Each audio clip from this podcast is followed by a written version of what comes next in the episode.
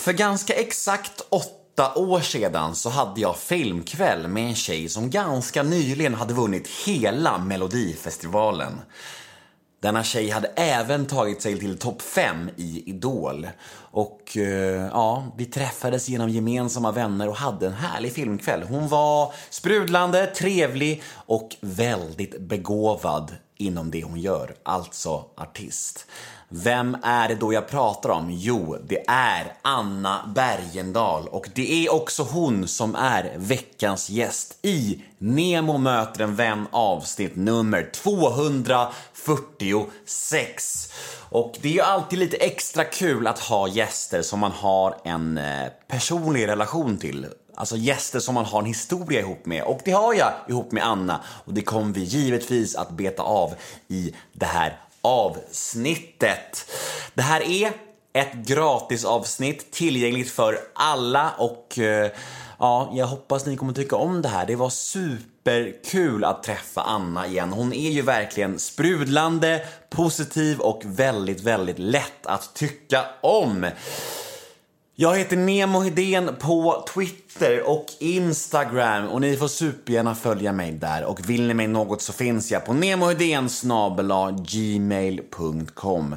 Ni får gärna följa podden också på Instagram. Den heter bara Nemo Motor, kort och gott.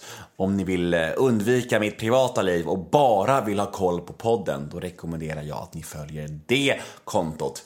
Ni får supergärna gilla podden på Facebook också. Där heter den bara Nemo möter en vän, kort och gott. Och bakgrundsbilden är en bild på mig och Stina Volter. Ni får supergärna gilla den sidan, för den är ganska ny. Jag var tvungen att göra en ny sida här om månaden eftersom jag tappade kontrollen över det förra kontot. Så Gilla bilden på mig och Stina Wolter så blir jag superglad. Alltså på Facebook. Den här podden klipps av Mats Palmgren och Samuel Rydén från PR Productions. Och eh, nu ska jag nog sluta babbla. Nu ska ni få avnjuta detta gratisavsnitt med den bedårande Anna Bergendahl. Nu rullar vi igång. Nemo är en kändis, den största som vi har. Nu ska han snacka med en kändis och göra någon glad. Ja! Nemo, ja det är Nemo. Nemo möter en vän. Du vet att det här är debut för mig? Är det så? Och vadå, poddebut? Så det här är stort för oss båda? Ja. Och Ja. Det här, jag får inte hålla på att dricka kaffe eller någonting alls. Alltså du får ju, jag kommer inte säga åt dig, men, men ju mindre man äter och dricker så desto trevligare lyssning blir det ju för folk. Bra. Känns nice. För att eh, mina lyssnare är lite av ljudfascister och de eh, tvekar inte på att höra av sig med arga ord om folk äter och dricker i poddar. Nej, okej. Eh, kommer du ihåg när jag hade Torkel Pettersson som satt han och åt i podden och då fick jag typ så här 14 mejl efter. Folk blev galna. Torkel. Han har ändå en äta i podd-aura. Han har verkligen det. Han har det. Välkommen till Nemo möter en vän, Anna Bergendahl. Ui, tack! Vad kul att få göra det här med dig. Jätteroligt. Hur är läget? Men det är bra. Eh, kul att se dig igen. Ja, Jag minns att vi har träffats en gång. Vi såg en skräckfilm. Jag tror att vi har sett två gånger. Att en gång var det film och en gång sågs vi ute. Eh, för att vi hade en gemensam vän ju i Jimmy Jansson. Ja. Eh, och jag hängde med honom en period. Eh, det var så himla gulligt. Det var så här, typ... Alltså jag levde rätt hårt då på den tiden. Stökigt liksom. Och han hade ju sån här helylle barnartist-aura som han ville typ få bort. Ja. Så han bara, hur ska jag få bort den? Jag, vet, jag ringer den stökigaste i Sverige och hänger med honom ett tag. Han turnerade ju också med Anna Bergendahl. Och då fick han inte bort den auran. Nej, Nej. det var helt tvärtom. Det var tvärtom. ja, ja, nej, men jag tror vi sågs utan honom också. Men, så, men, men vi kollar på film, säger du? Jag minns det var du och jag, Jimmy och min bästa vän Julia. Det var en skräckfilm.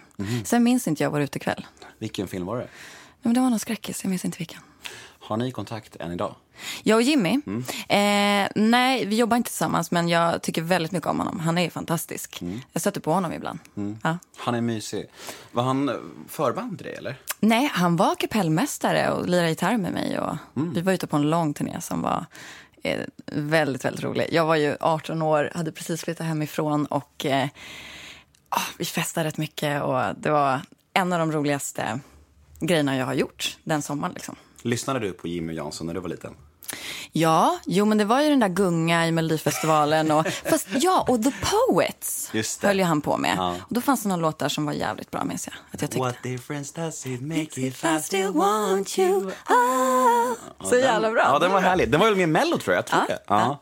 Fan, vi måste nästan be Jimmy att lyssna på det här. Han kommer så glad.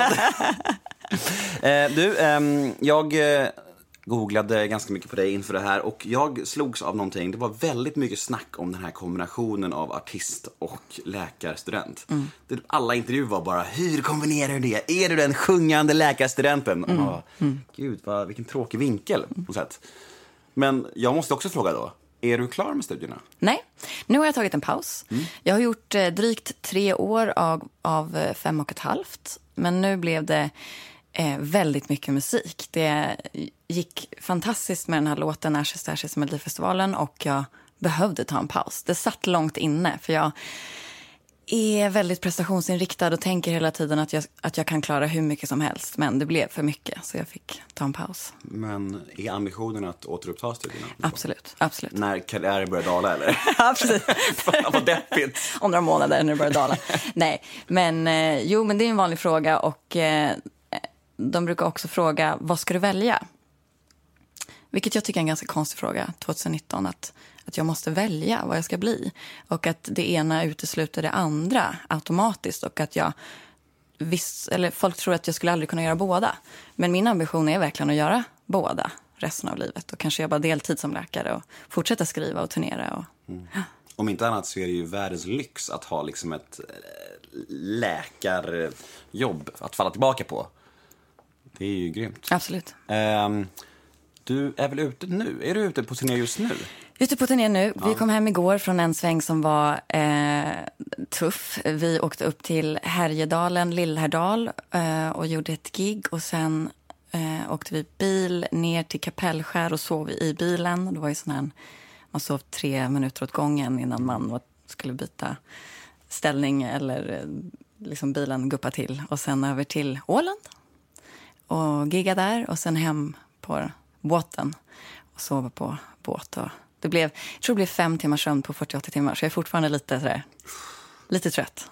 Men hur är turnélivet just nu då? Är det liksom vilt och party eller är det mest här, göra jobbet och åka hem och chilla? Eh, det är inte alls lika vilt som det var när jag var yngre. Med Jimmy? Med Jimmy. alltså, eh, men nej, alltså vi, vi festar inte på det sättet längre. De jag åker med är ganska mycket äldre än mig och en del har ju barn. Och, ehm, så det blir några öl och lite gött snack och någon, någon vild kväll kanske. Men det är ganska lugnt i övrigt. Och, ehm, en väldigt, väldigt roligt att få komma ut och träffa publiken. Och det är fantastiskt när folk sjunger med i låtarna. Och, Du, ehm, för de som inte har stenkoll på dig och vem du är och eh, sådär, så har vi en liten faktaruta här i början. Nu är det dags för en faktaruta. Eh, namn, Anna Bergendahl, ålder. 27. Du behövde fundera lite där. Ja, som. det behöver jag göra. För min pappa tror att jag är typ 28, 29 och så var jag tvungen att tänka efter själv. Nej, men 27 är jag fortfarande. Ja. Familj. Eh, sambo. Och sen har jag tre syskon och mina föräldrar som lever tillsammans i, i Sörmland. Yrke. Artist, låtskrivare. Bor. Stockholm. Bästa artist som Idol har fått fram. Ehm, om, om vi bara sa sångare eller sångerska så skulle jag säga eh, Loreen. Eh, nu får jag tänka efter här alltså. Vi har tid. Det är Ja. Men jag gillar ju Måns också. Och hans mellolåt och det han gör. Eh, ja, Måns och Loreen kanske. Paradrätt. Risotto. Mm. Med lite vitt vin och eh, svamp. Vad missbrukar du? Snus. Mm. Jag ser det. Hur, hur mycket snusas det? Och alltså, när jag har en strukturerad vardag och pluggar så är det mycket lättare att dra ner på det. För då tar jag, om om det är två timmars föreläsning så tar jag en i början av föreläsningen och sen är det paus och sen tar jag en till för nästa timme. Och så kanske jag snusar åtta stycken om dagen. Men det här turnélivet och låts, låtskriveriet när man sitter i sessions, då är det ju ut med den gamla och sen direkt in med den nya. Vad Tyvärr. kallar man det? Kedjesnusande? va? Ja, jo, det är verkligen Så så. vad går en dos om dagen? Ja, det gör det. Ja. Men det är ändå såna där ljusa va? Som inte rinner brunt ner va? Ja, Ja. det är bra. Min kille kör lössnus, men han lyckas hålla det väldigt rent ändå. Han är proffs. Ja men precis. Vilken tur att han har funnit en tjej som snusar också då. Ja. Eh, favoritdel i Stockholm? Jo, men det är ju Söder. Det är ju det. Jag känner mig hemma här. Vi var häromdagen i Gamla stan och då känner man sig som en turist. Det är kul också att att gå där och hitta gränder som man aldrig varit på. Men så promener, promenerade vi tillbaka till Söder och då kände man sig som hemma. Fan, jag kan ändå fråga dig när jag ändå har eh, en eh, Stockholms tjej här framför mig som borde ha koll på restaurangvärlden i Stockholm. Jag ska ta ut min tjej på en månadsdags restaurangkväll på fredag. Ja, ni tillsammans igen. Ja, vi är ju det. Yay! Ja, det är så fint. Det är, det är, det är härligt. Det är som en saga. Ja. Eh, vilken är Stockholms mest romantiska restaurang? Vi var på treårsfirande på Mosebacke. Och då hade de en helt vegetarisk meny. Det har de inte längre, men den var så bra. Och solen gick ner över Söders eh, höjder och eh, det var superromantiskt. Vi tog hela menyn och vin och eh, ja, så Mosebacke. Ja, men då måste ju vädret vara nice, va? Ja. Mm. Ja, jag, får, jag måste kolla upp SMHI sen. Ja. Ja. Vilken egenskap hos dig själv har du svårast för?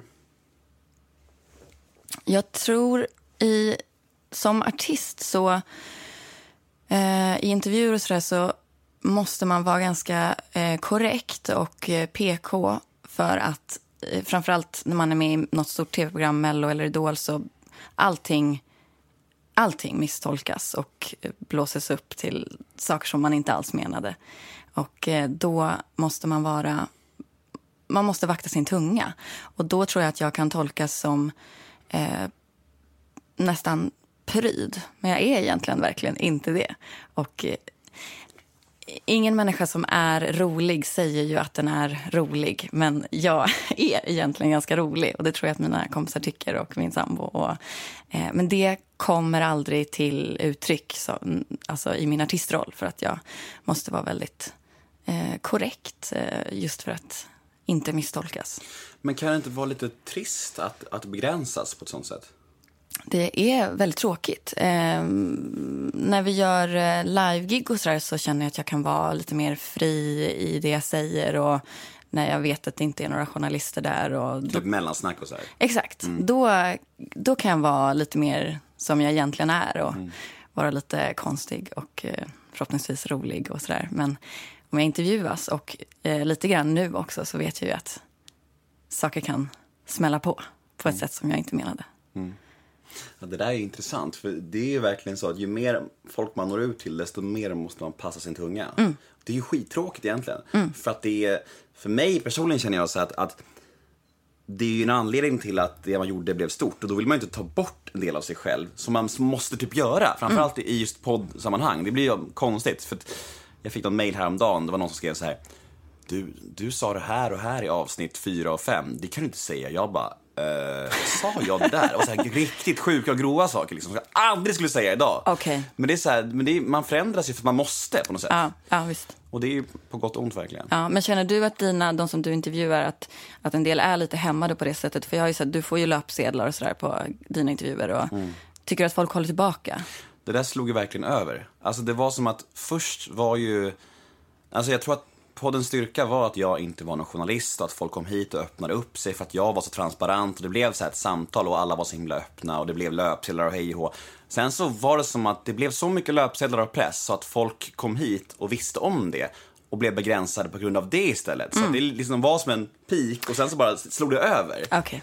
Och det var lite synd, för att det, hela min grej var ju så här, folk kan slappna av här och jag är ingen journalist, jag gräver inte, för det är inte min grej att gräva, jag gillar inte det. Jag vill att folk ska öppna sig för att de känner sig trygga med mig, och så var det länge. Men sen så blev det som att de bara, "Ja, just det, alla kvällstidningarna har ju stenkoll på din podd, så då måste man hålla igen på grund av det. Ja. Så det är lite synd, Ja. men det är väl så det är. ja, det blir Anna om missbruket nu då. Ja. Absolut, vi kommer till det. Fan tar dem om de skriver det. Ja, precis. Eh, du får göra som, vem fan var det som sa det? Jag tror det var Steffo Törnqvist som jag intervjuade för några veckor sedan. Och han sa så här i början av podden, allt jag säger ska tas med en nypa salt, för jag ljuger en hel del. Det är som att han liksom så här safear. Det är som Micke Persbrandt döper sin bok till Så som jag minns det. Det är också bra att safea upp. Då kan man liksom skriva vad som helst sen. Ja, Så ja, det är ja. bara kanske, kanske inte. Så vi kan säga den här podden då. Det kanske är som vi säger. Exakt, det är som jag minns det. Mm. Som Anna minns det, det är skitbra. Eh, men du är ju Stockholms eh, brud, eller hur? Jag är född här men jag är uppvuxen i Sörmland. Ja, men hur många år bodde du i Stockholm? Eh, ja, alltså något år bara. Sen Okej. flyttade vi ut till Sörmland och så är jag uppvuxen i Katrineholm och Nyköping. Jag vet att du kom från Nyköping när du sökte Idol. Mm. Eh, och jag vet att du är född i Stockholm. Men de där åren i mitten där har jag ingen koll på. Det finns inte så mycket om det heller på Mm. Nej, internet. nej, och Katrineholmarna själva, eh, alltså, det är Nyköpingstidningarna som skriver om mig eh, för det mesta. Sen tror jag Katrineholm har glömt mig lite. Mm. Men jag bodde där från ja, några år där, eh, eh, dagis och eh, lågstadiet och eh, mellanstadiet flyttade jag till eh, Nyköping. Men du är född i Hägersten. Ja, Mm. Och varför flydde ni Stockholm? Eh, vi har haft... Min mamma hade en, ett äktenskap innan hon träffade min pappa. Och Jag har två syskon från, från det äktenskapet. Och eh, Han bodde i Sörmland. Och Det var lite sådär pussel för att få ihop det. Och Det var därför de ja, ville komma... eh, Mamma ville komma närmare barnen och det skulle bli lite lättare med allting. Men eh, okej, så, så eh, vad är det för uppväxt du kommer ifrån? En väldigt eh, trygg uppväxt. Eh, har nog inte så mycket att klaga på. Min mamma ehm, har, eh, Eh, var hemma mycket under min uppväxt och eh, hjälpte oss barn med allting. Hon har haft, eh, visat väldigt mycket omsorg och stått för allt det praktiska. Liksom. Jag minns att hon men det låg alltid kläder framme på morgonen tills jag var ganska gammal och hon borstade mitt hår och det var så här matsäck och, och intyg till skolan. Och, eh, hon visade kärlek på det sättet, eh, vilket jag kan se idag var hennes sätt att visa kärlek. Och min pappa har jobbat väldigt, väldigt mycket eh, som läkare och varit borta väldigt mycket. Och, eh, när jag var liten så eh, minns jag att jag var väldigt ledsen över det. Jag ville att han skulle vara hemma mer. Eh, men när han väl var hemma så eh, eh, ja, han är ju min bästa vän och min stora förebild och eh, eh, visade väldigt mycket kärlek på ett annat sätt än min mamma genom eh, att eh, vi har haft eh, så himla mycket gemensamt och eh, jag har alltid känt en väldigt stor trygghet i honom och hans kärlek. Och jag kan inse nu när jag är vuxen att min mamma gav lika mycket trygghet fast på ett helt annat sätt. Mm. Det låter nästan som att eh, din pappa gav mer känslomässig trygghet. Exakt. Och Din, pappa, din mamma var lite mer ytligt kanske? Eh, inte- båda- inte ytligt kanske? Nej, men hon visade det på ett helt annat sätt. På att eh, allting var uppstyrt och... ehm, Men, ja, ytligt låter så negativt. Ja. något- Men du förstår vad jag menar ändå. Alltså, alltså kanske liksom så här, mer ordningsamt. exakt, och på ett sätt som man inte märker som barn. För allt bara funkar och man förutsätter att allt, att, eh, allt är fixat och sådär. Men nu så inser jag att hon ställde upp väldigt, väldigt mycket för mig och gör det fortfarande. Ställer upp otroligt mycket för alla sina barn fortfarande och eh, är väldigt, väldigt bra förälder. Hur många barn har hon?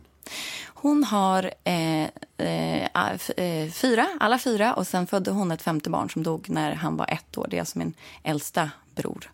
Eh, som jag aldrig träffade, som skulle varit drygt 40 idag. Vad hände där? Han dog i, av, han hade flera medfödda fel på hjärtat och dog när han var ett år. Så det har ju också hängt med oss syskon. Hans eh, närvaro har alltid funnits faktiskt och pratar om, hon, om honom då och då. Och, eh, ett väldigt stort trauma för min mamma såklart. Och, eh, eh, ja, men han finns med. Ibland säger jag att jag har tre syskon, ibland säger jag fyra. Om jag orkar förklara. Gud, det där är typ ett av de svåraste moraliska, dile moraliska dilemmana som, som finns tycker jag. Det här med att eh, vad skulle man göra om man skulle få barn och man såg att liksom, barnet hade något eh, nej, hjärtfel eller någon, någon, någon tung någon tung funktionsnedsättning, någonting sånt där. Alltså, för det känns som att man, man, man vill ju vara den här storsynta människan som bara, det spelar ingen roll, jag skulle älska min människa, min, barn lika mycket. Men så finns det aspekten att, okej, jag kommer vara låst hela mitt liv. Och, och den, den kanske bara lever i 15 år. Jag förstår vad jag menar. Det är typ, jag har tänkt på den här frågan jättemycket och jag har aldrig kommit fram till någonting. Nej, och det nu när vi har alla de här testerna som man kan göra innan barnet är fött. Det blir också svårt. Eh, Okej, men om vi får beskedet att det är stor risk för Downs eller så, hur gör vi då? då? Och ska man välja bort alla de barnen? Eh, och hur är det egentligen att, att ha ett barn med Downs? Eh, det finns ju många som gå, kan gå i god för att det är, blir ett hem med väldigt mycket kärlek och närhet och att det kan bli ett väldigt bra liv ändå, även om det är väldigt tufft. Eh, så i och med, ja men jag då som håller på mycket med medicin, i och med den utvecklingen så får vi också väldigt stora moraliska frågor att ta ställning till. Nu vart det väldigt tungt här känner jag. Vad Ja. Ofrivilligt tungt. Ja. Det var mysigt också. Eh, vart var vi någonstans? Vi pratade om din, eh, din familj och din uppväxt. Och, du och dina syskon då, vad har ni haft för relation genom åren? Har ni varit tajta eller hur har det sett ut? Alltid väldigt tajt. Ja. Det känns som det. Tajt jävla familj alltså. Nej, men vi har ju haft... Klart att vi har bråkat. Jag har bråkat väldigt mycket med min mamma. Jag har bråkat med min pappa. Ehm, så som det blir. Och, och skilsmässoupplägget har ju varit eh, tufft såklart för oss alla. Och, ehm, men vi älskar varandra, har alltid gjort. Eh, jag har alltså, tycker så himla mycket om min familj och mina syskon. Vi ses väldigt mycket. Ehm, vi har jag har alltid haft det väldigt bra. Sen är det klart att mina halvsyskon då, eller vad man ska säga, ehm, det är klart att det är tufft att ha skilda föräldrar eh, och allt som det innebär. Men eh, vi är väldigt tajta. De har barn, alla tre, nu. Och eh, nej, vi har haft det väldigt bra. Hur var du som barn? väldigt lillgammal.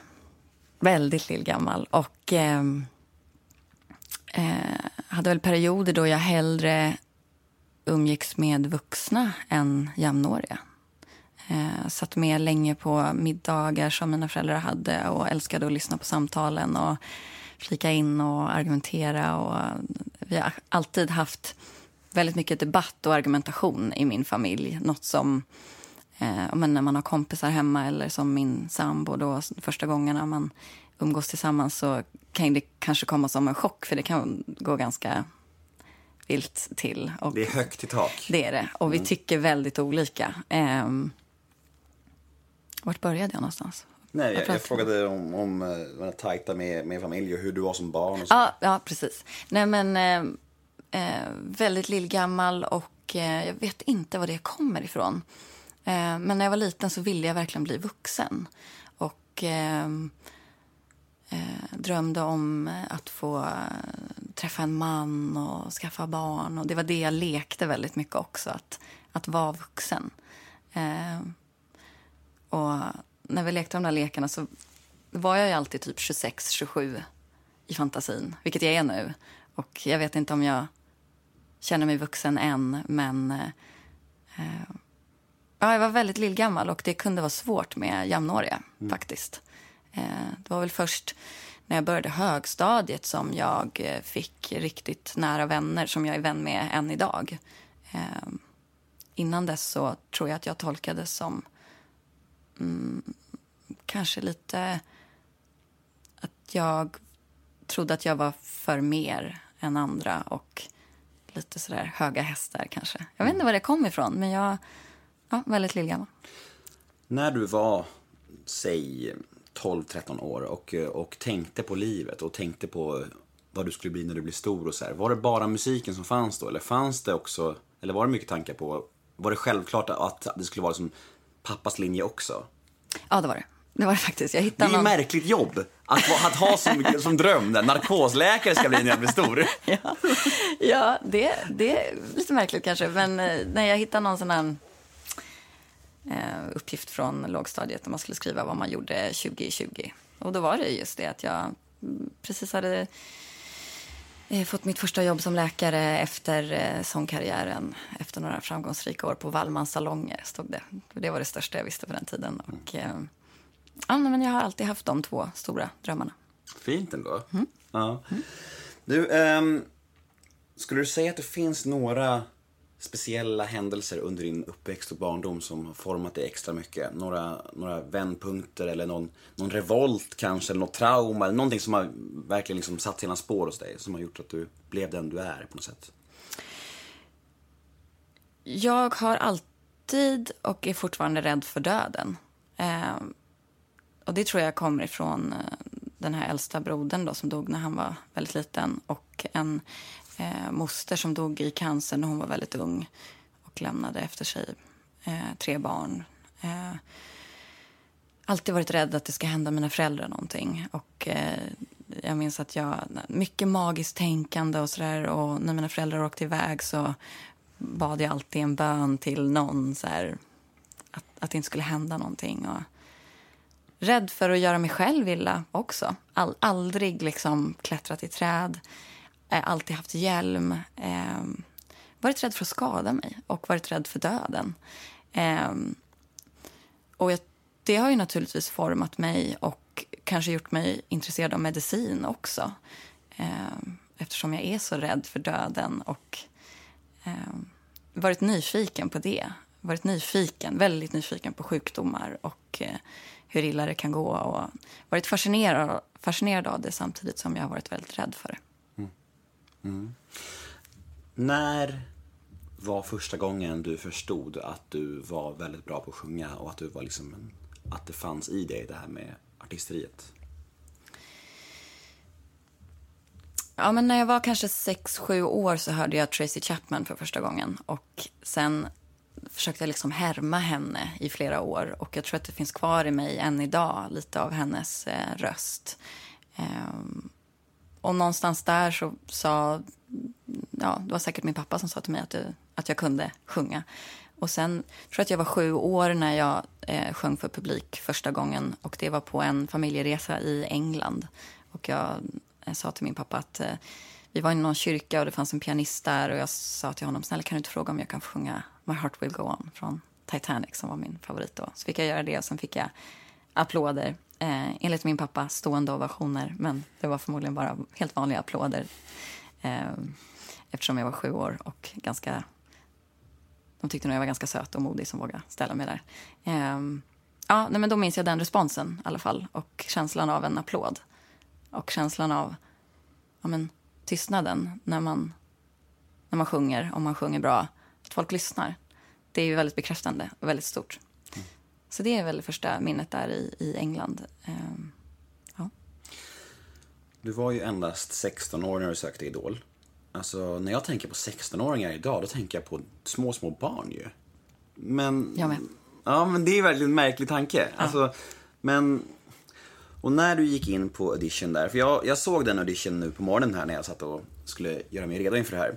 Och du går ju in med ett ganska gott självförtroende ändå och, säger så här, ja, men jag, jag skulle gärna vinna tävlingen och har en unik röst och så. Ja. Men sen så när du får responsen så är det som att du ändå inte fattar någonting. Du blir helt chockad. Ja. Eh, jag märker ju på mig själv när jag ser det där klippet att jag är väldigt nervös. Jag skakar på rösten och eh, jag minns att jag hade frågat min mamma, vad ska jag säga? De kommer ju fråga varför jag ska vara med i Idol. Då sa min mamma, säg att du har en originell röst. Och det är det jag säger också. Jag har en väldigt originell röst. Just det. Eh, men backstoryn är att jag hade sökt samma år i en annan stad. Eh, I Göteborg sökte jag först med en annan låt. Och då är det en förjury som man träffar först. Just det. Och de sa att det inte räckte. Och därför trodde jag verkligen att det räcker inte. Jag får hålla på på hobbynivå. Ehm, Ehm, men så var det någonting som sa mig att jag skulle prova en gång till. Så då tog jag med mig gitarren, bytte låt. Och, eh, så jag trodde verkligen inte att jag hade det. Så det var det som gjorde att jag, att jag reagerade på det där sättet. Men jag kände att jag var ändå tvungen att gå in med det och låtsas som om jag ändå var tvungen att sälja in mig själv på något sätt. Ehm, så det var, hade jag inte haft den där refuseringen någon vecka, någon månad tidigare så hade jag ju inte reagerat så där tror jag inte. Men, så din första casting, då var det alltså utan gitarr? Ja. Vilken låt var det? Out of Reach av Gabrielle från eh, Bridget Jones dagbok är väl den med i, tror jag. Ja, klassiker. Ja. Men det är så intressant det där att du säger att du sökte några veckor tidigare och blev nekad. För att i sådana tider som just nu med han eh, Chris Clefford som har sökt eh, ja, men fem olika år och både svenska och amerikanska får jättemycket kritik för det och för att det är så här, men du mörkar din historia. Det du säger bekräftar egentligen bara att det är ganska många som har sökt flera år och det är ju liksom ingen eh, stor sak egentligen.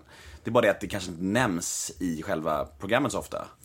Nej, de eh, vill väl kanske inte... De vill väl få tittarna att tro att, att juryn går igenom 5 000 per dag. Eller vad det är. Ja. Är det någon som tror det ens? Ja, jag vet inte. Jag vet inte. Hur många var den här prövojuryn då, första? Jag minns att jag tror det var tre också. Och vad är det för Ja, människor? det vet jag inte. Ja, det kanske var producenten, fast jag vet inte om han skulle gå igenom flera tusen, eh, eller hon. Eh, så jag vet fortfarande inte vilka människor. Kanske var någon skivbolags representant. Skiv, det var ju, eh, jag tror det var Sony på den tiden som var involverade i det där. För de har ju också anledning att engagera sig i det där. Och Säkert någon skivbolagsrepresentant, någon representant från TV4 och någon mer.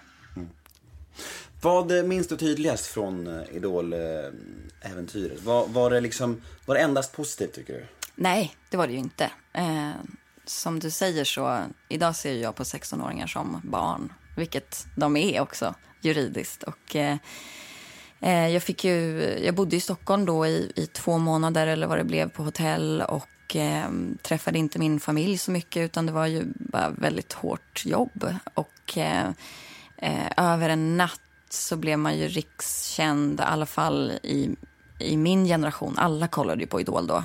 Um, så det där att bli känd över en natt och sen stå och göra live-tv varje fredag och få kritik i live-tv. Jag fick, det är många som får men jag fick också ganska tuff kritik ibland. Och eh, eh, så mycket som man aldrig har varit med om förut och så mycket som spelar in. Det är inte längre att bara ställa sig och sjunga rätt upp och ner. För det, alla som går vidare i Idol kan ju göra det. Men det är liksom allt ifrån att eh, ljudet ska funka och man har aldrig haft sådana här snäckor förut. Och eh, det är tv, det är flera miljoner som tittar och man är ett barn och man får ganska tuff kritik i live-tv. Så att, eh, jag, jag grät ju mycket i live-tv och var ju supernervös när, när de skulle berätta vilka som hade gått vidare. Och, eh, ja, men var väl lite av en drama queen fast med rätta för att det var ju jävligt tufft. Eh, men jag minns att jag, och i efterhand så skäms jag lite grann för att jag grät så mycket i, i live-tv. Men det, det bara, det kom. Kan inte skämmas för det, det är fint ju. Äkta känslor. Ja, det är det jo, tv vill ha. Det är det de vill ha. Ja, och det Vad lärde du dig mest från det äventyret? Jo, men man fick ju, det var ju som en crash course, en intensiv kurs i, eh, i tv och media och att vara artist. Ehm, och vi fick ju göra liksom allt det som eh, riktiga artister gör. Live-tv, signeringar, livespelningar, intervjuer. Man blev ju väldigt eh, mediatränad på kort tid. Och det var en fantastisk skola, som alla säger. Det är verkligen det. Det är som en artistskola egentligen. Och eh, lärde mig väldigt mycket. Ehm, om jag skulle göra om det så skulle jag ha gjort väldigt mycket eh, annorlunda. Eh, jag skulle sagt senare. Jag skulle ha bestämt mig mer för vilken typ av artist jag ville vara. Ehm, jag har Idol att tacka för väldigt mycket, men eh, det var ju också väldigt tufft och eh, har satt sina spår i, i mig. Och ehm, man blir folkskygg, väldigt självmedveten. Eh, man tänker att alla på tunnelbanan tittar på mig nu och det behöver inte alls vara så. Eh, ja, men lite sådär paranoid och väldigt självmedveten. Det mhm. låter ganska negativt. Nej, men nu, nu sa jag många positiva grejer också. Ja, det tycker jag. Det gjorde- du. Var det någonting som hände under din säsong som de klippte bort? Alltså under själva, jag vet inte, castingprocessen eller nå- någonting som var liksom, blev galet eller någon som mådde för dåligt? Eller var det någonting som du märkte att de inte tog med? Inte vad jag minns. Det är nu du ska komma med världens gossip här ju. Ja, har jag inget gossip? Jo, det har jag. Berätta. Men det kan jag inte berätta. Men, snälla. Nej, jag kan inte. Du var ju samma säsong som han eh, Lars, eller hur? Ja. Och han, det var väl någon gång där han bara fuckade ur på, för att han blev så jävla sned på eh, låt, temat va? Var det inte så? Och han kom in och bara kör här eh, Det börjar verka kärlek banne mig och bara drev med hela produktionen, var det inte så? Jo, visst var det så. Visst var det? Han blev skit och, och, och juryn blev tokiga för att han inte tog det seriöst. Just det. Och jag tänkte att du kunde ha lite mer information om det kanske? Alltså det är så jäkla länge sedan och eh, Men du minns det här? jag minns det här nu när du säger det. Eh, Han Men- sjöng ju knappt. Han kom in med någon konstig kostym och några svarta glasögon och bara stod och dansade och, och bara flamsade. Och man såg hur det så Bagge och Andreas Karlsson bara himlade och blev typ skitsned. Ja, ja, jo. jo. Och jag minns att han också var sned på att eh, alla tjejer åkte ut först. Slut- Fint ändå Ja, på sätt. när han åkte ut så minns jag att han sa eh, att, eh, ja, han sa någonting, jag hoppas att Anna eller Alice tar det här, för då var det bara vi kvar som var tjejer. Eh, han är en väldigt fin människa. Och, eh, men ja, jag minns när du säger det. Men allting är som en dimma och även Mello 2010 och Eurovision är som en dimma för mig för det är så otroligt mycket intryck och eh, det går, det går inte att minnas 5 av det som händer. Eh, Men skulle jag se om säsongen, om det finns någon DVD någonstans så skulle jag säkert minnas mer. Ehm, Men jag kan, jag kan verkligen inte, jag kan säga kanske tre låtar som jag gjorde under två månader. Alltså, Är det sant? ja. Ja, ja men fan shout-out till fina Lars. Shout out Lars, vad gör du idag? Ingen aning. Vad gör han? Han var väl från Gotland va, eller? Ja, så han det. Han hade väl också en sån här otrolig audition tror jag. Jo, eh, han sjunger jävligt bra. Väldigt originell är han ju. Ja, men eh, fint. Då... Jo, det var en tjej som svimmade i live-tv också. Ja, men vad fan. Du sitter ju på stories här. Johan Palm. Det var ingen tjej. Nej. Men det handlar om Johan Palm. Ja, det är ändå kul. Det var en tjej som svimmade. Johan Palm. Man bara, eh, ja. Men För all minns- del, långt hår, absolut. Men, och inte i målbrottet. Men det räcker inte för att göra Det till någon, någon till tjej. Okej, okej då. Eh, Jag trodde ju han var tjej. Fan, det har jag trott hela tiden. Är han Ja. kille? Ja. Nej, hon, eh, han hade något fan där som, hon var alltid utanför vårt hotell. Alltså han hade ju tjejer efter sig utav helvete. Det var alltid tjejer utanför vårt hotell Mm. som skrek så fort han kom ut. Och då var det en tjej som, hon skrek så mycket under hans framträdande att hon, hon fick ju syrebrist och svimma. Mm. Hon svimmade i live-tv. Ja, du ser. Det är vissa flickidoler man kanske inte riktigt förstår och han är nog en av dem alltså. No offense, with all due respect till Johan Palm, men ja, jag, jag fattade aldrig grejen riktigt. Nej, men du, du är inte tonårstjej heller. Det är jag inte. Nej. Precis. Bra poäng. Eh, du, tiden efter Idol då, fram tills eh, Mello 2010, och det är ändå två år där nu va? Eller ett och ett halvt år i alla fall.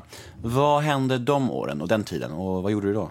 Jo, men då är man ju låst i ett eh, skivkontrakt under ett år tror jag att det var. Och då eh, är det ju skivbolaget som bestämmer om de vill göra någonting eller inte. Och i mitt fall så ville de inte göra någonting. Eh, men Så de, man är låst även om man inte får göra en platta? Så minns jag det. Mm. Expressen och Aftonbladet får göra sin research på det här om de ska smälla upp det här.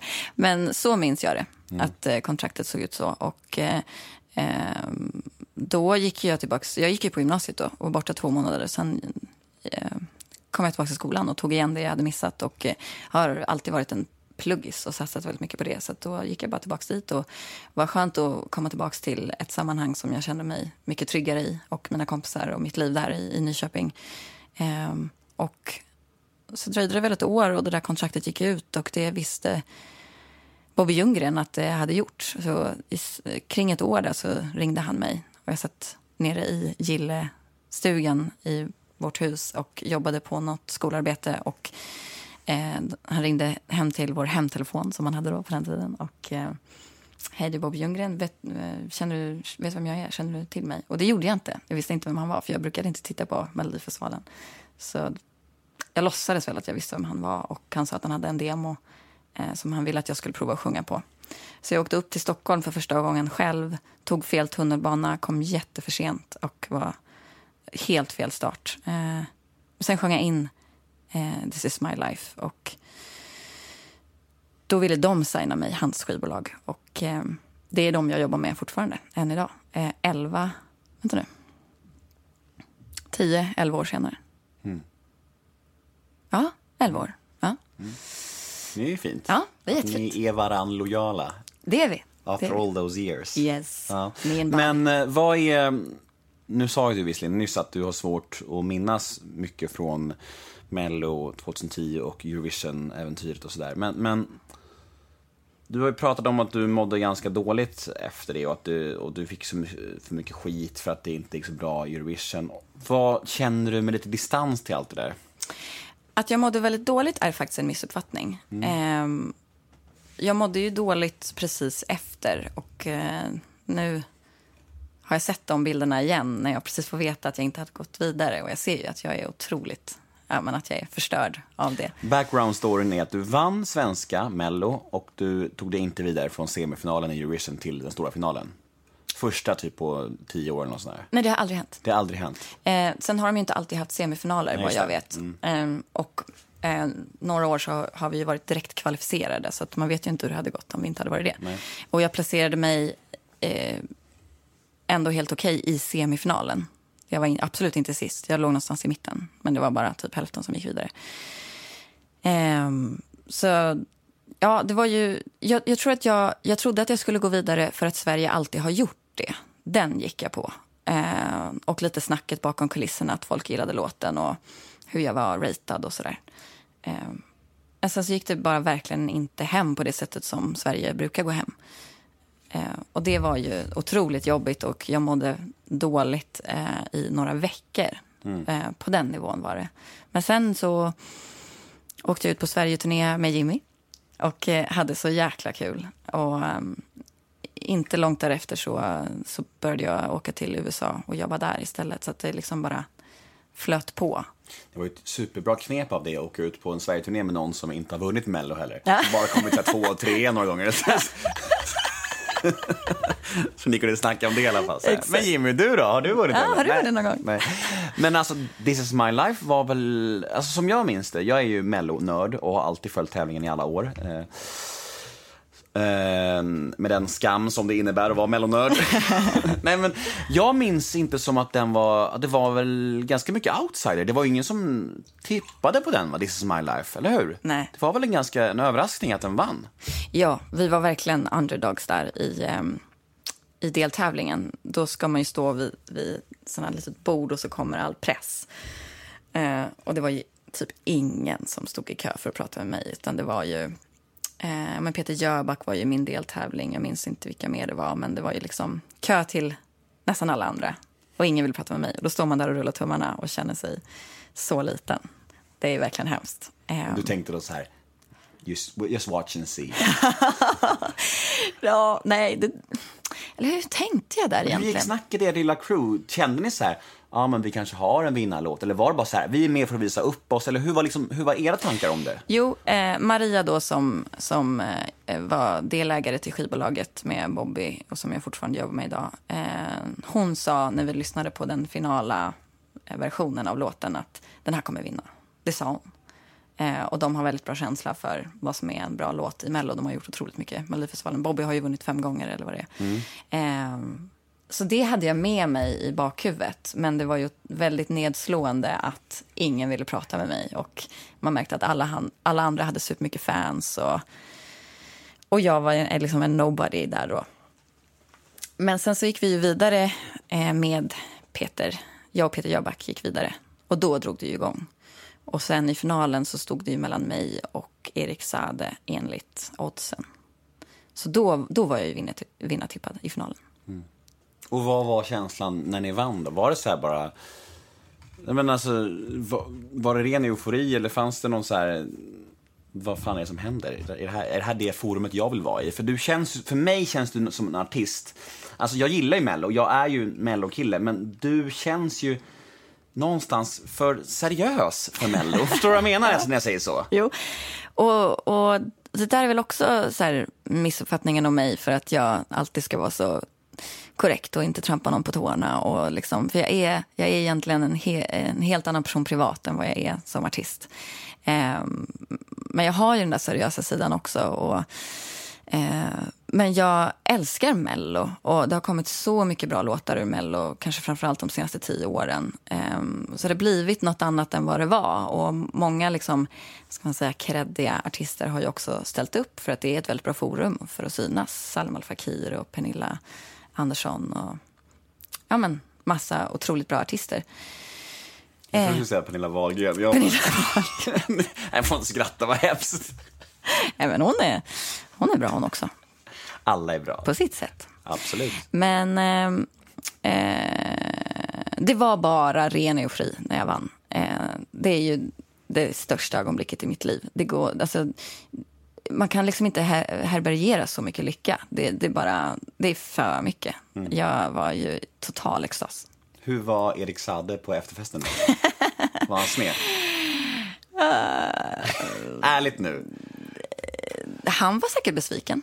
Eh, han sa grattis till mig såklart och, och allting sånt. Men det är klart han var besviken. Sen gick han ju och vann året därpå. Och då gav jag honom sångfågeln och han, han såg nog inte ens att det var jag. Eller han, han märkte inte att det var jag tror jag. Är det sant? Han, han, han tog eh, sångfågeln och, och körde sin vinnarlåt. Jag hade ju då klippt håret kort och hade en helt annan look. Så att, till hans försvar så var det helt okej. Men eh, det brukar ju vara ett moment där. Mhm. Men det blev det inte. Den är intressant. Men är det någon gång i livet man är so full of si- sin self, då är det väl då kanske? Då är det då. Så Han är excused. Ja, bra. Ehm, efter... Han är för övrigt väldigt trevlig. Ja, men absolut. Visst är han det? Ja, gud ja. Jag har ju poddat med honom och, och jag, jag gjorde en helomvändning där i min, mina tankar om honom. Verkligen. Det var ju liksom här, det är typ då podden är som finast också, när man får träffa människor och ändra uppfattning om dem helt. Och så var med Erik Saade, verkligen. Supernice. Ehm, nej men, efter Eurovision där och efter de där veckorna av eh, landssorg och eh, skuld och skam. Nej, så illa var det inte. Men det var gärna så media målade upp det. Det är också intressant när, inför den här podden när man sökte på dig och, och gjorde lite research. Det var verkligen så här bara... Åh, det var så mycket skam och jag skämdes så mycket och jag mådde piss och panikångest och skit. Liksom, så här, verkligen, verkligen, mörker efter Ja, Eurovision. ja. Men var kanske, Panikångest fick jag av något annat. Så där har de också vinklat som om det var efter Eurovision. som att det hängde ihop, ja. Ja, det- det gjorde det inte. Tiden efter Eurovision. Allt var bara mörkt. Ja, annars krasch. Ja, verkligen. Men, men vad hände då, då efter Eurovision där och när liksom den här men besvikelsen hade lagt sig? Och, för det är ganska många år där tills du liksom kom ut i den stora offentligheten igen. Ett långt break kan man säga. Även om du har gjort musik då. då berätta lite om de här åren. Eh, ja, eh, tog körkort. Eh, reste runt i Asien med en kompis. Eh, och sen eh, eh, fick jag ett samtal från Larry Klein då, som är eh, producent i USA som har jobbat med mina idoler, Tracy Chapman, Joni Mitchell. Och eh, han ville att jag skulle åka dit och att vi skulle träffas och se om vi kunde hitta på någonting tillsammans. Det var väl helt förutsättningslöst egentligen, men han hade ju ändå flugit mig dit. Så att han trodde väl ändå att vi skulle kunna göra någonting. Och han visste du vem det var. Det var inte så här Bobby Ljunggren att du låtsades som att du visste vem det var. Nej, han, ja, exakt, exakt. Han visste vem det var. Eh, han spelar bas på Tracy Chapmans debutalbum och det blev lite så här, cirkeln slöts då eftersom hon är min stora idol. Så eh, vi tog ett första möte där och jag var ju supernervös och jag skulle ju prata engelska och eh, spelade upp några låtar som jag hade skrivit. Eh, jag satt bara med gitarren och sjöng. Och, eh, ja, och då väntar man liksom på att han skulle fatta något slags beslut och så sa han, ja nej men let's, uh, let's just write some music. And, uh. så då åkte jag över uh, säkert fem gånger för att skriva skivan och sen en gång för att spela in den. Och sen gjorde vi också en, en dokumentär för SVT om hela den grejen. Och så släppte vi den där. Jag turnerade lite grann i USA. Blev ingen, ingen stor grej överhuvudtaget. Eh, Eh, så det var också liksom under radarn, men väldigt stort och viktigt för mig att få göra det. Det var ju ett erkännande för mig personligen att han ville jobba med mig. Ehm, ja, sen började jag jobba på Gotland med en svensk producent som heter Tobias Fröberg. Vi släppte en EP. Jag turnerade lite i Sverige, men på väldigt, liksom, i väldigt liten utsträckning. Och började plugga så småningom. Och har inte bara pluggat på läkarprogrammet utan andra saker också. Och, ja, men mycket plugg och låtskriveri, men eh, har, som du säger, liksom varit borta från de stora scenerna. Eh, egentligen fram till i början av förra året när jag började jobba med David Lindgren Zacharias och Anders Pettersson och vi släppte vår EP som det tog fart igen och sen då Mello igen. Fick du frågan om Mello eh, under de här åren? Ja. Hur många gånger? Ehm, en konkret fråga. Sen har det kommit upp liksom i mitt team att vi kanske skulle göra. Men en konkret fråga med en, en låt. Fick du en låt då? Ja, Vad var det för låt? det var faktiskt eh, Torn som tävlade i år. Är det sant? Den var ju ändå bra. Den är väldigt bra. Ja. Den är jättebra. Men kanske inte riktigt din stil, eller? Nej. Nej. och det var det vi kom fram till. Ja, ja skönt att jag, inte, att jag sa rätt där. Ja. det hade varit jobbigt om, om du bara, jo, vad menar du med det? Men fan vad intressant inblick i, eh, alltså för gemene man, att liksom låtar ligger och skvalpar så där, år efter år. Och så här, men i år kanske finns en artist som passar för den låten, nej, då tar vi nästa år istället. Jo, men visst. Det, Spännande ju. Ja, men det handlar mycket om att hitta helt rätt artist för låten. Så är det ju. Så är det ju. Spännande. Eh, och sen så liksom, vad fick dig att göra comeback i den stora tävlingen? För att eh, känslan var ju att du inte tänkte göra det igen efter 2010. Är den känslan rätt eller? Absolut. Ja, det var ju som sagt den största upplevelsen i mitt liv. Men det är väldigt tufft att tävla i, i musik och jag tror att gemene man förstår att det är tufft men de förstår nog inte riktigt hur tufft det är. Um, det är ju otroligt subjektivt vad man gillar och man ska ha väldigt mycket tur och timing i det man håller på med. Allting ska stämma. Det är lite som elitidrott, att eh, allting måste stämma under tre minuter på ett visst klockslag. Och gör inte det så, så står man där med, med skammen eh, själv. Det är ju artisten som är längst fram och, och, och tar, tar det mesta av det roliga och det mesta av det, det tråkiga och det jobbiga. Så är det ju. Så det är jätte, väldigt, väldigt tufft att tävla i, i musik. Det tror jag alla kan skriva under på som gör det. Och alla som är med vill ju vinna oavsett vad de säger. Det är klart alla vill vinna den där tävlingen. Ehm, men då fick jag, min manager sa att eh, Gesson och Bobby hade en låt. Det var väl i augusti förra, förra året. Eh, och jag hade precis kommit hem från USA och var helt jetlaggad och skrev på morgonen att jag inte sovit någonting. Kan vi, kan vi typ köra någon annan dag? Och Bobby bara, jag tror han blev arg på mig för, för första gången där och sa att nu kommer du till studion. Nu har Gesson kommit hit. Han bor inte ens i Stockholm. Så jag gick dit och sen spelade de upp den här låten och jag sa att ja, men jag kan skriva text men jag tror att jag gör det hemma. Och så här, väldigt, eh, jag tror att jag insåg vad som var på gång och att jag var rädd för det. Så sa att men jag tror att jag går hem och skriver. Och, eh, eller så provar vi lite nu då. Och så provade vi lite tillsammans. Och jag var, hade aldrig jobbat med Gesson förut.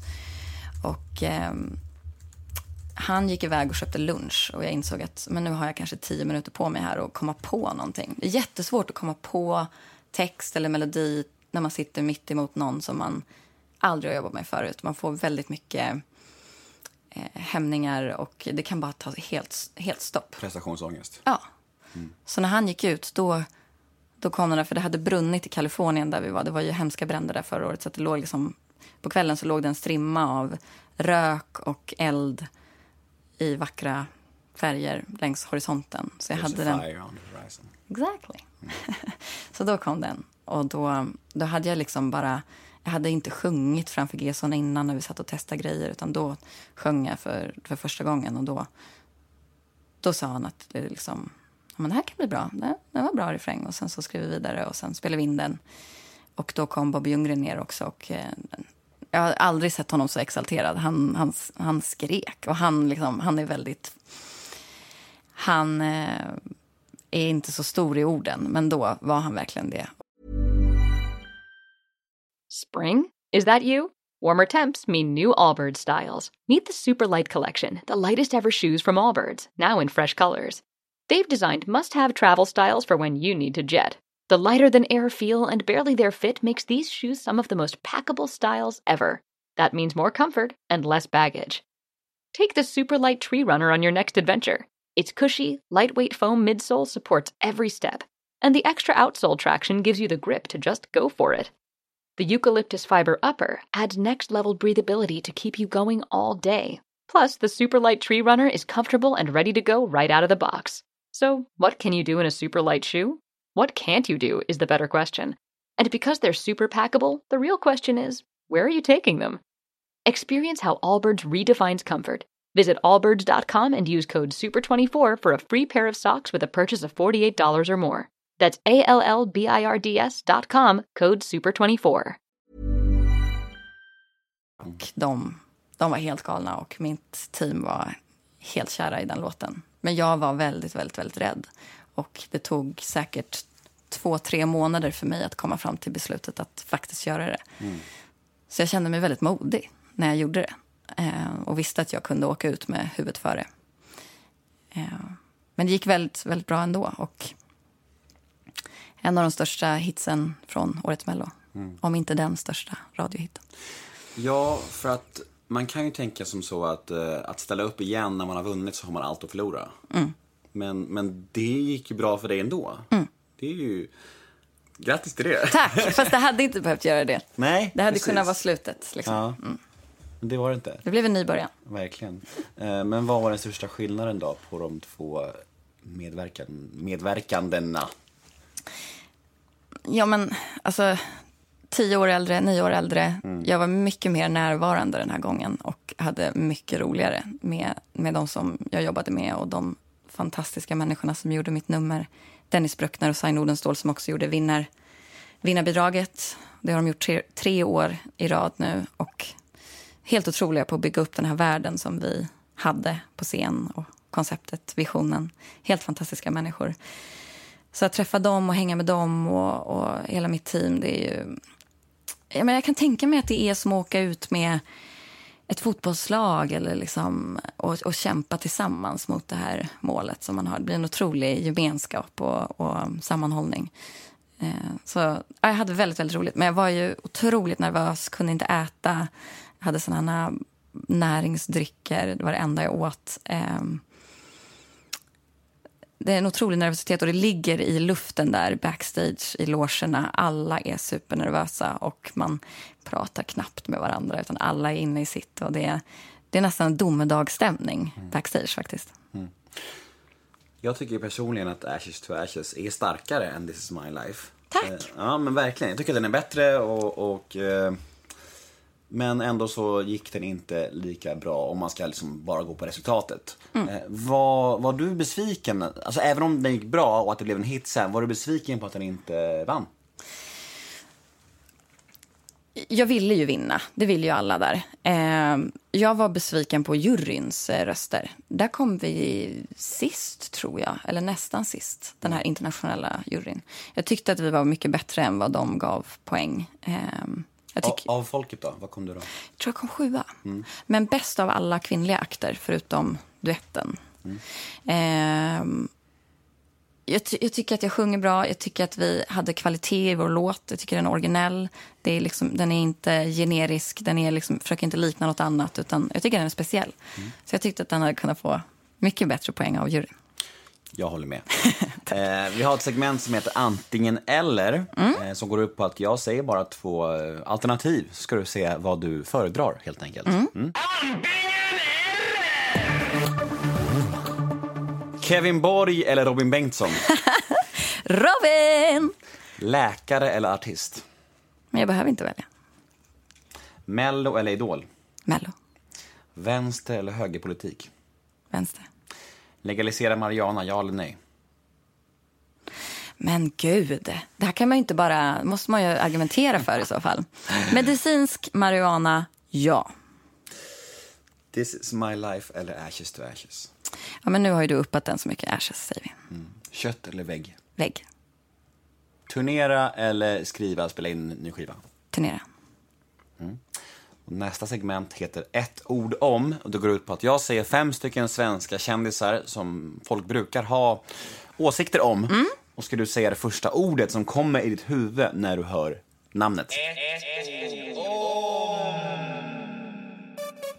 Är du med då? Ja. Ett ord om. Alexander Bard. Konstig. Jimmy Åkesson. Blä. Christer Björkman. Love. Cissi Wallin. Stark. Alex Schulman. Mobbare som förmodligen har mognat. Det var flera. Fan, det var inte ett ord. Mobbare som förmodligen har mognat. Trycka ihop det ett. Ja, bra. Eh, vi ska avslutningsvis damma av ett gäng lyssnarmail.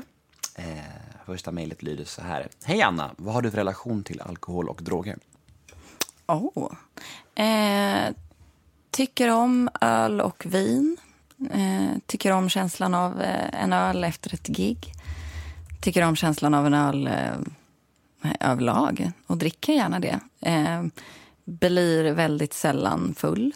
Har väl någon fylla om året kanske och då, då är den ganska redig också. Då är det med Jimmy på turné. Då är det med Jimmy. Nej, men eh, jag gillar alkohol. Jag har inga, inga som helst problem med det. Har aldrig blivit liksom personlighetsförändrad eller så, utan jag har kul och eh, bryter ner alkohol väldigt långsamt så att jag blir väldigt fort påverkad. Så jag vet att jag kan bara ta ett par liksom. Ehm, droger, det är, det är ingenting som jag har testat eller håller på med. Jag är väldigt rädd för det. Eh, har ju läst mycket om det i mina studier och eh, är väldigt rädd för att bli hooked, väldigt rädd för att bli skadad av det. Ehm, ja. Mail nummer två. Hej Anna. Vad tänker du om familj och barn och sånt? När du en barnlängtan? Ja, men det gör jag. Nu har ju alla mina syskon barn och eh, då blir man ju väldigt sugen. Men jag är ju väldigt karriärsinriktad och har väldigt mycket som jag vill eh, bocka av och jag vill komma längre. Eh, känner mig väldigt mycket som ett barn själv fortfarande i min familj och jag är ju yngst och eh, har nog en, ett tag kvar innan jag är där. Men jag vill verkligen ha barn. Trots lillgammalhet. Ja, ja, det är lite omvänt för mig. När jag var liten så var jag väldigt lillgammal och nu känner jag mig liksom inte vuxen trots att jag förmodligen anses som det. Benjamin Button. Ja, Mm, nästa mail lyder så här. Hej Anna. Let's Dance? Frågetecken. Så mycket bättre? Frågetecken. skulle jättegärna göra Så mycket bättre. Och jag älskar att dansa, framförallt pardans. Jag buggar mycket med min pappa. Så Let's Dance skulle jag nog också kunna tänka mig faktiskt. Men eh, ja, skulle vilja göra båda. TV4, hook me up. Ja, du har inte fått frågan på Nej, någon? inte på någon. Vad? Vad är det här? Har du fått frågan? Nej, jag är lika lack som du. Skulle du vilja göra Let's Dance? Ja, fy fan vad kul. Ah, alltså. tänk om vi fick göra samma år. Eller hur? Det, det hade ju varit helt magiskt. Jo, fan, vi kan ju skicka ett brev så att de får två till priset av en. Sälja in sig själv. Fan. Undrar om det är många kändisar som gör så, alltså hör av sig själva till sådana produktioner. Ja, undrar om det är det. Och de får, får ju förmodligen nej då. Förmodligen. Det är väl för, för fjantigt kanske. Ja. Eller så här. Då vill de inte ha dem längre. Nej. Ja. Det är som den här den här killen som är för på. Ja, ja, ja, ja, ja, ja, ja, ja, ja. Eller, ja precis. omvänd effekt liksom. Gud, jag sitter som en sångmick här. Jag kanske inte sitter för nära. Nej, det är bara bra. Det är bara bra. Ju närmare micken du är, desto lättare blir det att ta bort så här puffar och så här saker.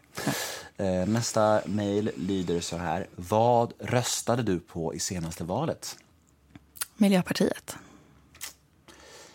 Nästa mejl lyder så här. Hur ser du på Mello i framtiden? Vill du vara med igen eller har du stängt dörren till det helt nu? Nej, men jag är ju supersugen. Alltså, det gav verkligen mer smak. Eh, jag skulle verkligen kunna tänka mig att göra det igen. Eh, samtidigt så vill jag inte liksom göra det så här tre år i rad som så många gör. Och, och det tror jag kan vara lite, lite farligt. Så jag vill liksom inte bara bli en melloartist. Jag har... Eh, jag, jag vill vara något, något annat än det. Men jag skulle verkligen vilja göra det igen. Sen får man ju inte bli en sån här artist som, som du är inne på, att folk blir trötta på en. För att, för att det finns ju exempel på artister som varit med många år och sen ställer de upp med en kanonlåt. Men då har de varit med fem år i rad, så då åker de ut för att folk är så trötta på dem. Och hade, hade till, exempel en helt ny artist ställt upp med samma låt så hade den garanterat gått vidare. Det finns flera sådana exempel genom åren, så att man får nog passa sig att man inte blir en sån som folk ledsnar på. Liksom. Absolut, man blir överexponerad. Ja.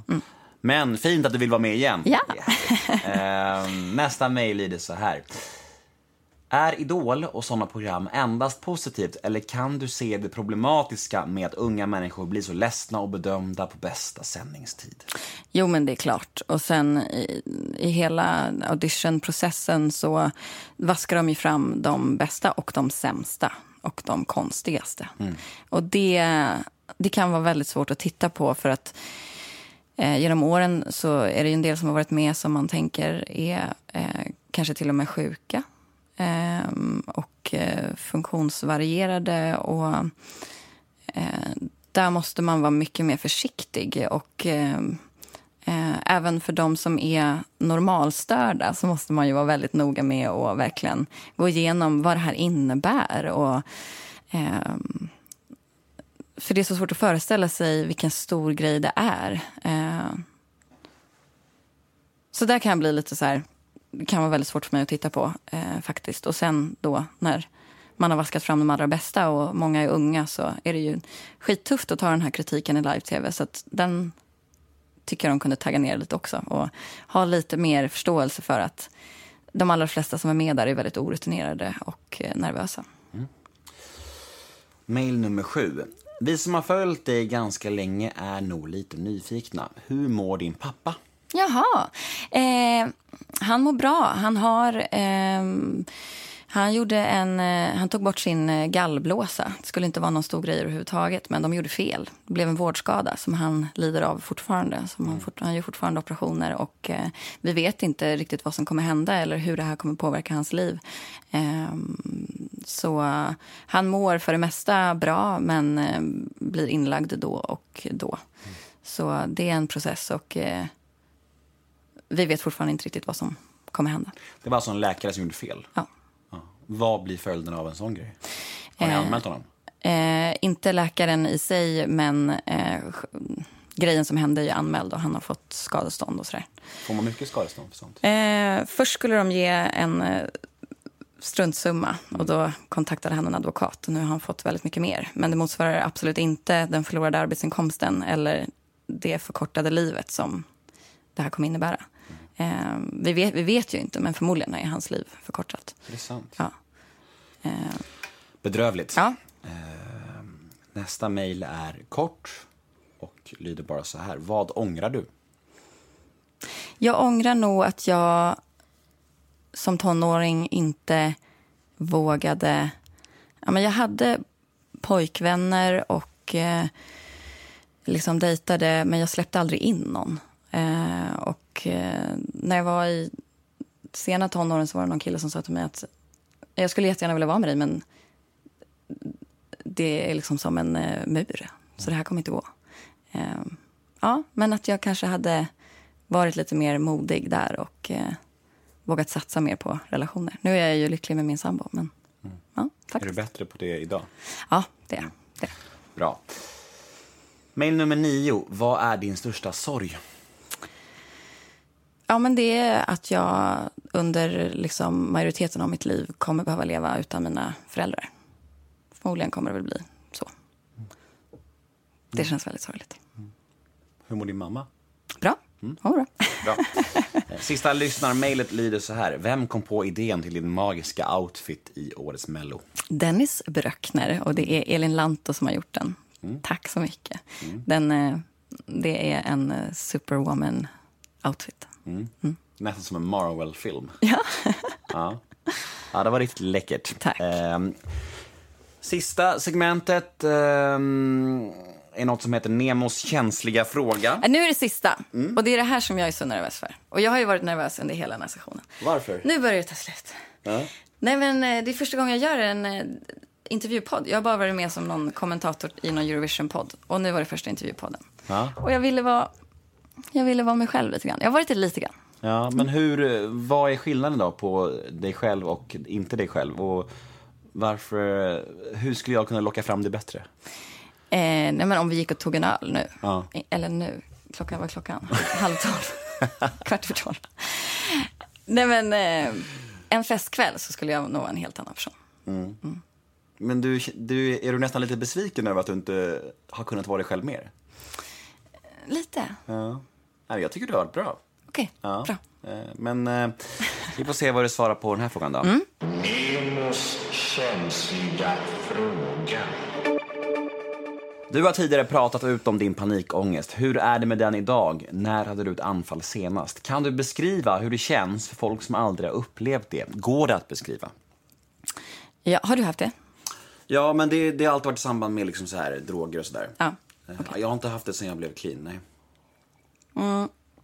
Ja, men för mig så var det i samband med att min pappa blev sjuk. Eh, och jag hade precis börjat på läkarprogrammet också, som är otroligt tufft. Eh, man måste ju plugga men, hur mycket som helst.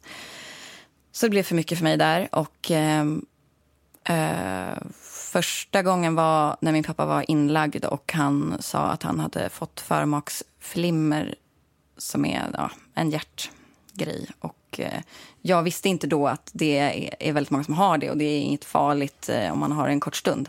Eh, jag trodde att det var samma sak som hjärtinfarkt. Och det var första gången jag hade panikångest. Då kände jag... Jag krampade i händerna för att jag hyperventilerade. Jag kände inte mina händer, kunde inte andas. Eh, kände som att hjärtat inte fick plats i min kropp. Eh, och det enda jag var fokuserad på var att ringa min bror så att han skulle kunna följa med till sjukhuset för att vi skulle säga hej då till min pappa. Jag, så stort blev det i mitt huvud. Och jag kunde inte ringa honom för att mina händer var liksom i så mycket kramp. Ehm, och sen fick jag det kanske fem gånger till i samband med tenta, plugg. Ehm, och det, ja, men det är ju den där känslan av att man inte får plats i sin egen kropp. Och ingenting som någon säger eller gör hjälper. Ingen tanke hjälper. Man kan inte tänka positivt. Ehm, allt är... Det känns som att man ska dö i några minuter. Och sen följs det, för mig följs det av svår ångest. Men inte panikångest, utan bara svår ångest. Ehm, och senaste gången jag hade det var väl kanske för två år sedan. Jag hade det kanske fem gånger totalt. Något som du har ätit medicin mot? Ja, för att kunna sova. För jag märkte också att eh, när jag låg och var vaken och tänkte på min pappa eller på tentan så, och inte sov, då blev det ju så mycket värre också såklart. Så funkar ju psykiska åkommor eller sjukdomar generellt. Att Om man fixar till sömnen så kan det bli väldigt mycket bättre med det andra också. Så jag tog för att sova. Äter du någon medicin idag? Nej. Nej. Du, vi är klara. Är vi det? Vad kul det har varit. Tack för att jag fick vara med. Ja, men tack för att du ville vara med. Är det något, eh, några kloka visdomsord du vill signa ut med? Nej. Nej, jag tror inte det. Hur, har du några gig framöver eller någonting du vill puffa för? Ja, nej, men vi fortsätter ju med vår, vår Sverige-turné. Nu vet jag inte när du kommer sända det här, men allt finns på min Instagram och Facebook. Sen blir det julturné med Robin Bengtsson faktiskt, i jul. Stjärnklart, åker vi med. Så kommer det ny musik. Jag har precis släppt en ny singel som heter Home. Den får man gärna lyssna på. In och eh, lyssna på Annas nya singel. In och följ Anna på Instagram och se henne live för guds skull. Ja, för då är jag roligare. Vi får väl se. Ja, ha det så bra. Hej då! Ha det bra, hej då.